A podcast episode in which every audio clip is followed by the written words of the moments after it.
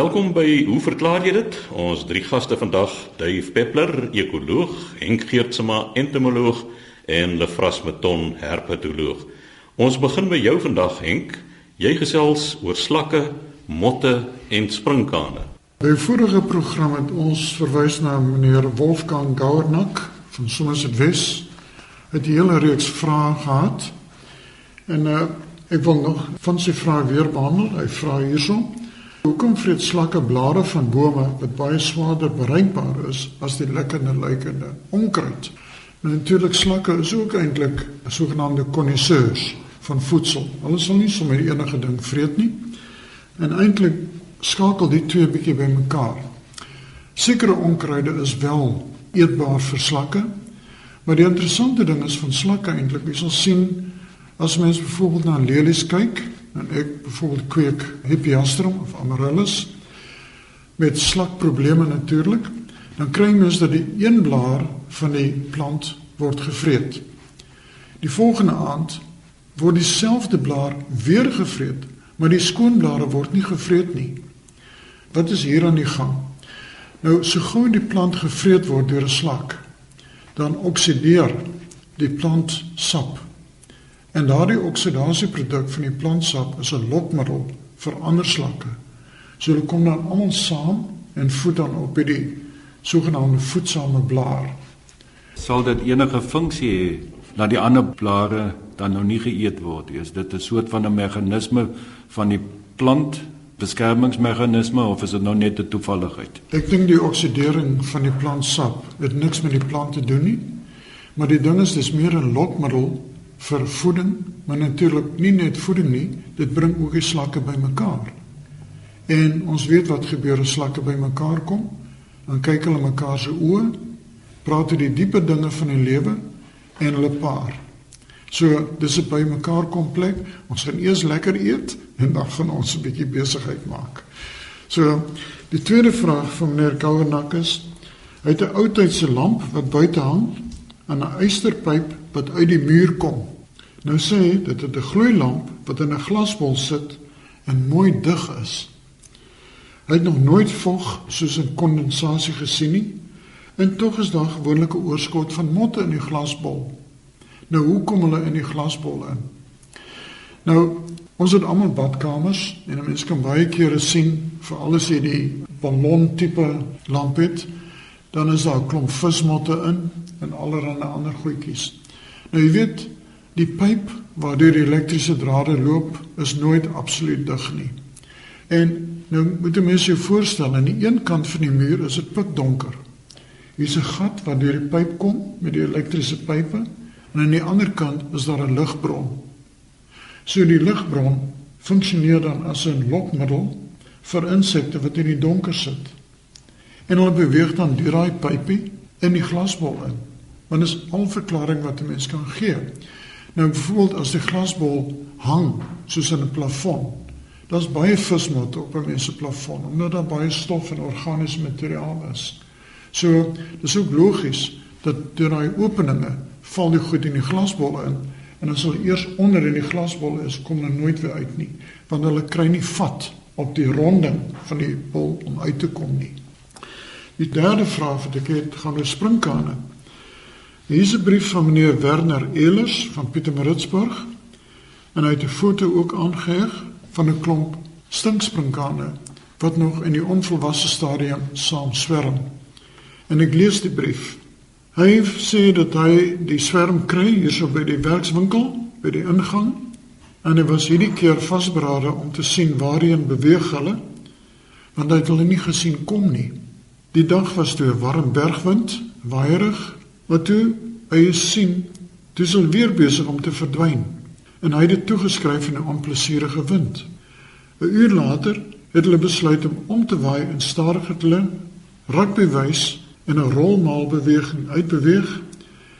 En in die volgende 3 kwartier het die sogenaamde hy noem dit 'n testudo, dis seker die hele bondel van hulle slakke pas gekies tot by 'n bedding van irisse waar hulle tussen die plante weggekruip het.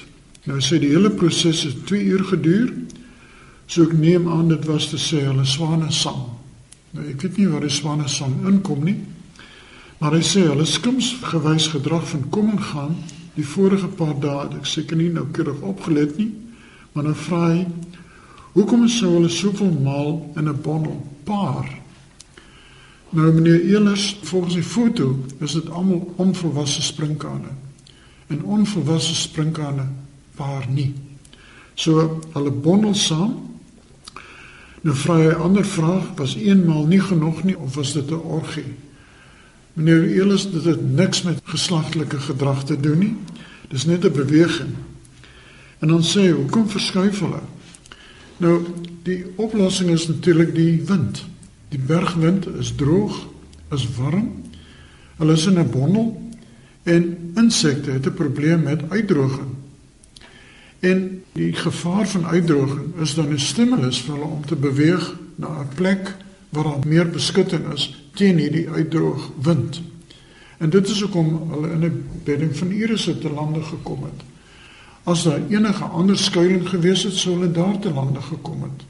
So hierdie is maar net toeval, want ek kan nie glo dat die springkanswerm doelbewus op 'n beskutting gaan kom nie. Hulle gaan rondbeweeg soos 'n testudo, soos 'n skilpad, die hele bondel totdat hulle by die regte plek aankom. En dan kom hulle tot rus want die stimulus wat hulle laat beweeg het, die warm bergwind, is nie meer daar nie. En hulle kan hulle waterverlies kan hulle verminder op die manier. Dankie meneer Elers, 'n interessante vraag en 'n foto. Onvolwasse sprinkane paar beslis nie. So gesels professor Henk Geertsma, ons entomoloog en dit is professor Lefras Meton wat aan die beurt is. Lefras, jy het 'n vraag ontvang oor die ongeslagtelike voortplanting by akedisse. Ja, Chris, ons het van Geyste Tooi van Amansum Touti die volgende navraag gekry. Hy sê verlede week was daar 'n program op National Geographic Wild waarin die komodo drake bespreek is. Alhoewel hulle soos enige ander gewervelde dier die manlike en vroulike individue het, beskik die vroulike dier oor die vermoë om indien daar nie 'n manlike dier in die omgewing is om mee te paar nie, haar eie selle se kromosome te verdubbel om so die volledige aantal te skep om sigote te vorm. Met ander woorde, 'n mens kan dit as selfbevrugting beskryf. Nou wil hy weet, is daar ander diere wat soortgelyke verskynsel vertoon? Nou, dit is baie beslis die proses wat hy hier beskryf is die proses van parthenogenese Dit is 'n vorm van ongeslagtelike voortplanting. Met ander woorde, daar is nie seks nie. Daar is nie 'n mannetjie en 'n wyfie nie. Die embrio kan ontwikkel tot 'n normale individu sonder dat daar bevrugting plaasgevind het. Nou die naam daarvoor parthenogenese kom van die woord parthenos wat virgin beteken of maagd en genesis is mos geboorte, so maagdelike geboorte. Dit is die direkte verklaring vir die woord parthenogenese. Nou dit kom baie wyd versprei in die diere ryk voor. Ek sien Henk skud sy kop want ek weet by die insekte is daar baie gevalle van parthenogenese, maar nie net insekte nie. Dit kom by visse voor, amfibieë, baie reptiele. Dit kom selfs by voëls voor, veral in gevangenskap, maar ook in die natuur alhoewel nie so volop nie. Sover ek weet is daar geen soogdiere wat dit al aangeteken is. Die duif, ek weet nie of jy weet van soogdiere nie. In elk geval ek dink mens moet net bietjie begin by waaroor gaan hoe werk voortplanting. Dit is normaalweg enige sel het 'n 'n dubbele stel kromosome soos die mens het dan 23 pare kromosome met ander woorde 46 kromosome in totaal. Dis wanneer die eiersel en die die spermselle gevorm word as daardie proses van meiose dan deel dit op in twee enkel stelle kromosome. Met ander woorde net 23 kromosome in die eiersel en dan 23 in die spermsel. En wanneer bevrugting plaasvind, word die dubbelgetal weer herstel. Wanneer die sperm en die eiersel bymekaar kom, dan sou jy nou weer 46 kromosome hê. Nou gebeur dit by sommige spesies dat daardie proses nie plaasvind nie. Daar is nie 'n manlike gameet by betrokke nie. Die vroulike individu kan nou sonder daardie manlike bydrae kan nou 'n nuwe individu voortbring. Nou natuurlik is daar nou die probleem as meiose eers klaar plaasgevind het en jy 'n eie sel wat net die helfte van die kromosome het, dan gaan daar nou moet op 'n manier verdubbeling van die kromosome plaasvind want die haploïde toestand, dit is nou wat net die een stel kromosome daar is is gewoonlik nie lewensvatbaar nie. In elk geval nie by die meeste werweldiere nie. Ek weet by die insekte is daar baie gevalle waar mens haploïde individue kry, maar by die meeste ander diere is die haploïde toestand is nie lewensvatbaar nie. So wyfies moet dus nou hierdie vermoë hê om daardie haploïde toestand te bewerkstellig in die embriootjie. Nou daar's twee maniere. Eerstens is laat meiose glad nie plaasvind nie. Dit is sommer maar net klein 'n mitotiese deling en met ander woorde die volle kromosoomgetal is van die begin af teenwoordig in die eiersel. En dan kan dit dan ontwikkel tot 'n nuwe individu en daardie sal dan nou 'n volle kloon van die ma wees, presies soos die ma lyk. En dit is 'n baie interessante verskynsel want dit beteken die vrou of die wyfie individu kan nou klomp nageslag voortbring en hulle is almal wyfies. En soms is dit baie voordelig as dinge redelik goed gaan dan sonder nog tyd te mos met voortplanting en hierdie wen kromosome of uh, genetiese materiaal nou die mekaar te krap wat gebeur tydens geslagtelike produksie kan dan nou net klomp byfies geproduseer word en voordeel getrek word uit die omgewingstoestande wat dan nou gunstig is. Maar as dinge ongunstig is, dan kan dit natuurlik baie nadelig wees om al die individue dieselfde hê, dan soek mens bietjie variasie in genetiese materiaal. En dit is interessant dat daar baie spesies, akedus spesies wat bestaan wat slegs uit vroulike individue bestaan. Daar is nie mannetjies, daar's net vroulike individue. En die rede hoekom dit so is, dit gebeur tydens wanneer twee naverwante spesies hibridiseer, dan vind daar 'n vermeerdering van kromosoomgetalle plaas. Ons noem dit polyploïdie en dan tydens meiose en paring kan jy die goed nie lekker bymekaar kom want die kromosoomgetalle verskil en dan is daar 'n probleem. En dan is hierdie ons noem hulle obligatiewe of verpligte patenogenetiese voortplanting. Hierdie individue of spesies kan nie anders nie, hulle moet op hierdie manier voortplant of uitsterf. So ek reken dat hierdie spesies kan nie baie lank aanhou nie in evolusionêre tyd. Dit is waarskynlik 1000 of 2000 jaar want dan gaan hulle uitsterf as toestande ongunstig word. Van hierdie akedisse is baie interessant alhoewel daar nie mannetjies in die populasies is nie, gaan hulle nog deur die normale paringsritueel. Dis nou net wyfies wat betrokke is en hulle paar twee wyfies al paar en dit word beheer deur hormone. Dit hang af van watter stadium die wyfie is in haar ontwikkeling met eiers lê, want as dit vroeg is, is daar estrogen vlakke hoog en by die ander wyfie wat reeds eiers gelê het of net na eiers gelê het, is die progesteroon vlakke hoog en die wyfie gaan dan nou soos 'n mannetjie optree en paar met die wyfie so vreemd. Mens kan amper nie dink dat daar werveldiere is wat op hierdie manier dan nou voortplant sonder dat daar mannetjies by betrokke is. Maar die vraag nou is wat gebeur as dan nou wel meiose plaasgevind het? Hoe kan die kromosoomgetal dan nou in die eiersel dan nou weer dubbel gemaak word?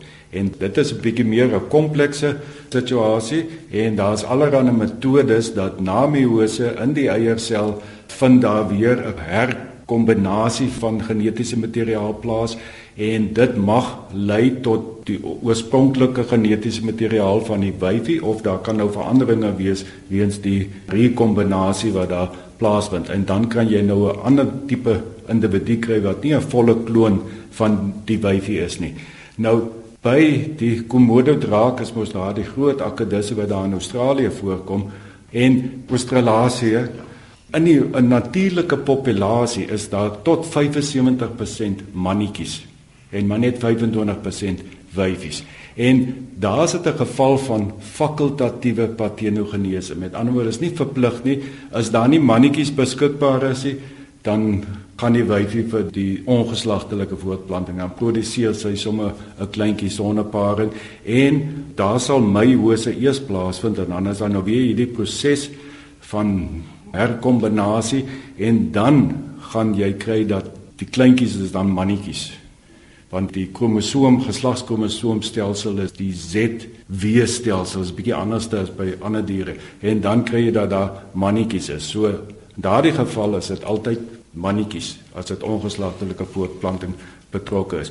Ja, mens kan nie dink met 75% mannetjies in 'n populasie dat daar ooit 'n tekort aan 'n mannetjie kan wees nie. Maar hulle sê daar's baie eilande en dit gebeur baie dat 'n wyfie op 'n eiland beland en daar is net nie 'n mannetjie nie en dan kan hulle nog voortgaan in voortplant.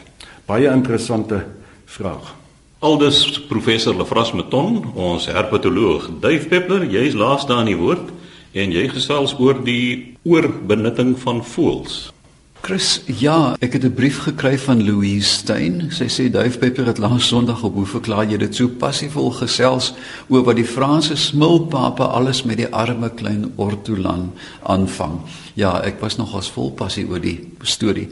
Maar sy het op 'n skakel afgekom wat ek later sal aangee oor die vangs van baie klein voeltjies teen die kus van Noord-Afrika. En uh, sy sê wil jy tog nie groot asseblief vra dat ek hierop moet uh, antwoord gee of reaksie toon nie. Sy vra ook dan aan die einde van haar brief dalk wil hy 'n woordjie hieroor sê oor hoe verklaar jy dit? Ek het na die skakel gaan kyk en ek moet sê ek was onbewus van hierdie voelvangs van Gaza tot by Libië. Is daar nou voel net oor 300 km gedurende die migrasie En daar word bereken dat jaarliks in die orde van 140 miljoen klein voeltjies in hierdie nette gevang word. Nou ek is wel bekend met die sogenaamde Wes-Palearktiese migrasiesisteem want ek het nou met die klein rooi valk baie daarmee te doen gehad.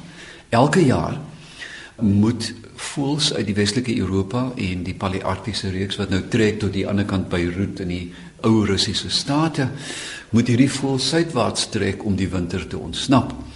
Die orde is daar by die 2 miljard van groot arende, soos die dwergarend byvoorbeeld, groot arend met die naam van dwergarend, maar ook van die voelse groot soos seearende, maar dan ook so klein soos tintinkies beweeg almal dan oor baie bekende roetes oor Gibraltar, oor Malta en dan ook deur Suez na Afrika toe om hier te oorwinter. Ek weet dat in Malta in die vroeë 70's is twee broers gearresteer deur 'n kollega van my wat in 'n vrieskas 200 roofvoëls, bevrore roofvoëls gehad het. Nou wonder 'n mens wat maak jy met 200 bevrore roofvoëls? In Malta is daar 'n ritueel van as jy vlek sleep by 'n jong meisie, dan gee jy vir haar 'n klein rooi valk as jy jou hand aanvaar, gee sy vir jou 'n tintinkie terug wat ook al. Dis 'n baie komplekse uitruil van opgestopte voëls. Dit is so diep gewortel in die kultuur dat hy vir my foto's gewys het van 'n klein kerstoneel van 'n baie droewige plastiek Jesus in 'n mandjie, omring deur opgestop die engele was opgestopte roofvoëls en die sneeu was haalpatrone, opdrifsels van haalpatrone. Dit was die klein toneel in die winkel. Nou, dit is nie net bekend van hierdie gebied nie, maar ook in Beirut in die Atlasberge waar veral Italiaanse skits dan emmers vol haalpatrone koop op 'n berg spits gaan staan en dag na dag eenvoudig roekeloos skiet na enige iets wat verbykom. Hulle benut dit nie, hulle eet dit nie, hulle skiet dit eenvoudig soos kleiduwe uit die lug. Nou, waar kom hierdie afstootlike gedrag vandaan? En mens wonder en dan skielik besef jy dit is niks nuut nie. Die groot voorbeeld is natuurlik die klassieke American Carrier Pigeon wat in hulle miljarde voorgekom het in die weste van Amerika en binne 30 jaar geskied is dat daar een oorgebly het. Martha was die stomme duif se naam in die Cincinnati dieretuin en toe sy vrek was dit die laaste carrier pigeon. Daar is met baie diere, hulle vrassel weet, henksel weet, 'n ingeboude geheime formule oor die digtheid van bevolking, density driven dependency en alsoos ek goed by die Engelse van praat waar 'n bevolking net kan funksioneer as hy op 'n sekere grootte of orde staan. Enigiets daaronder verbrokkel die struktuur en dan verdwyn die organisme Wat het gebeur met blou walvisse? Hulle is tot op die rand van uitsterwing geskiet. Ek was um, verlede jaar in Nyasa in die noorde van Mosambiek waar ek na die derde dag begin agterkom met my ongemakke te doen met 'n gebrek aan voelgesang in die oggende. Die voels is almal opgeëet. Dis net kraaie. Daar is geen luister wat jou wakker sing nie. Ek was by 'n vreemde koningin in 'n wat ek moes toestemming vra om oor haar grond te vlieg. Daar in haar piesangplantasie was daar duisende swaalkie koppies wat met die bekke in die piesangbome inge hulle is met nette gevang, sop gemaak, 'n roer swaalkie, ek weet nie wat die disse is nie, maar in hulle 10000de is selfs die migrerende swaalkies opgevreet. Nog 'n beter voorbeeld is uiteraard ons visbevolkings wat reg oor die wêreld te op die rand staan van 'n ineenstorting. Alles gaan om die benutting en die oorbenutting van bevolkings. Nou wat is die maksimale volgehoude opbrengs wat 'n mens kan afhaal van 'n bevolking? En dit kan wiskundig bereken word vir enige spesies, vir bye, vir akkedisse, skilpaaie en vir walvisse. Hierdie modelle is verfyn met visvangs waar daar in die algemeen kan jy staat maak dat jy 30% van 'n bevolking in die algemeen kan benut sonder om die bevolking seer te maak. Maar dan omdat hierdie 'n kurwe is wat baie vas is, die oomblik as jy oor hierdie maksimale punt gaan, begin daar groot probleme kom met die bevolking. En die rede daarvoor is dat hierdie modelle gewoonlik ignoreer hulle die volgende Wat is die verspreiding van ouderdomsklasse en geslag binne die afname? Want jy weet jy vang eenvoudig net visse. Jy sê jy vang nie net wyfies of jongetjies nie. Met ander woorde, bedreigde spesies word ook in hierdie model gevang wat jy nie kan voorkompenseer nie en daarom is die model 'n bietjie wankelrig. Maar wat ek eintlik wil op neerkom dat geen bevolking kan hierdie soort van jaarlikse attrisie weerstaan sonder dat daar groot gevolge kan wees nie. En juist daarom moet 'n mens baie versigtig met hierdie modelle omgaan en hierdie goed probeer wortel en tak uitroei. Dit mens moet dan nou net so 'n bietjie perspektief ook gee dat vrekvoels dit is dan nou twee geleenthede die jaar wat hulle suid trek en dan nou weer noord of dan nou andersom. So dit is nie soos visvang wat dan nou eintlik 'n permanente aanslag op getalle is nie. So hopelik dra dit dan by dat die die impak nie so groot is op trekvoëls die nette as wat dit op visvang sou wees nie. Lefrassie, ek hoor wat jy sê.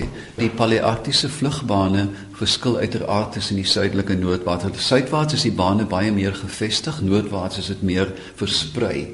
Maar ek dink dit gaan hier oor die massas van voëls is 140 miljoen individue waarvan in hierdie is almal die wat laag vlieg omdat die nette op die grond is. Met ander woorde, dit is hoogs selektief.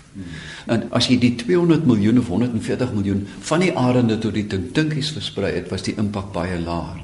Maar hierdie is 'n gefokusde aanslag. Daar is geen twyfel dat dit 'n impak gaan hê. Mense dink sommer nou net terselfdertyd ook hierdie voëls trek. Hulle kan nie van hulle is 'n redelike lang tydperk, net tot 10000 km wat hulle kan ver trek. So dit vat 'n hele tydjie om by die uitbestemming aan te kom. So by vertrek kan hulle nie weet wat die weeromstandighede gaan wees nie. Mense wonder nou storms, natuurlike as daar nou 'n geweldige storm is, wat die impak op getalle gaan wees. Ek weet byvoorbeeld van die Hooper swane, swan wat ek baie goed ken wat tussen IJsland en Skotland migreer. Nou met een laagdruk kan die helfte van die bevolking uitgewis word. Jy's doodreg. Die rede hoekom die voëls op die suidwaartse migrasie gevang word, is dat om te kan migreer, moet jy 30% aan liggaamsgewig aan vet bysit. Hierdie is prima kos, né? En as jy hom braai, hoef jy niks olie by te gooi nie. Daar is genoeg. Met ander woorde, dit is op 'n baie delikate stadium van hulle migrasie. Juis hierdie 30% kompenseer juis vir die onbekende. Jy weet, in geval daar 'n storm, 'n droogte, nie genoeg kos is nie, kan hulle op die interne voorraad teer en die metabolisme daarvan gee water so hulle weet hulle hoef nie water saam te dra nie. Tog dink ek dat as 'n mens kyk na die aanslag wat blykbaar nou aan die toeneem is en dan skakel jy dit in by die geskied van groter roofvoëls op die berge, kan geen samestelling van voëls. Kom ons praat nie van individue nie, wat die Engelse noem die assemblage, kan eenvoudig nie hierdie soort van aanslag eindeloos of onbepaald kan hulle dit nie weerstaan nie. In een of ander tyd gaan die bevolking, die metabevolking begin les op sê. So sê Dave Peppler, ons ekoloog. Die tyd het ons ongelukkig ingehaal. U kan skryf aan ons by hoe verklaar jy dit? Posbus 2551 Kaapstad 8000 of 'n e-pos stuur aan chris@rsg.co.za.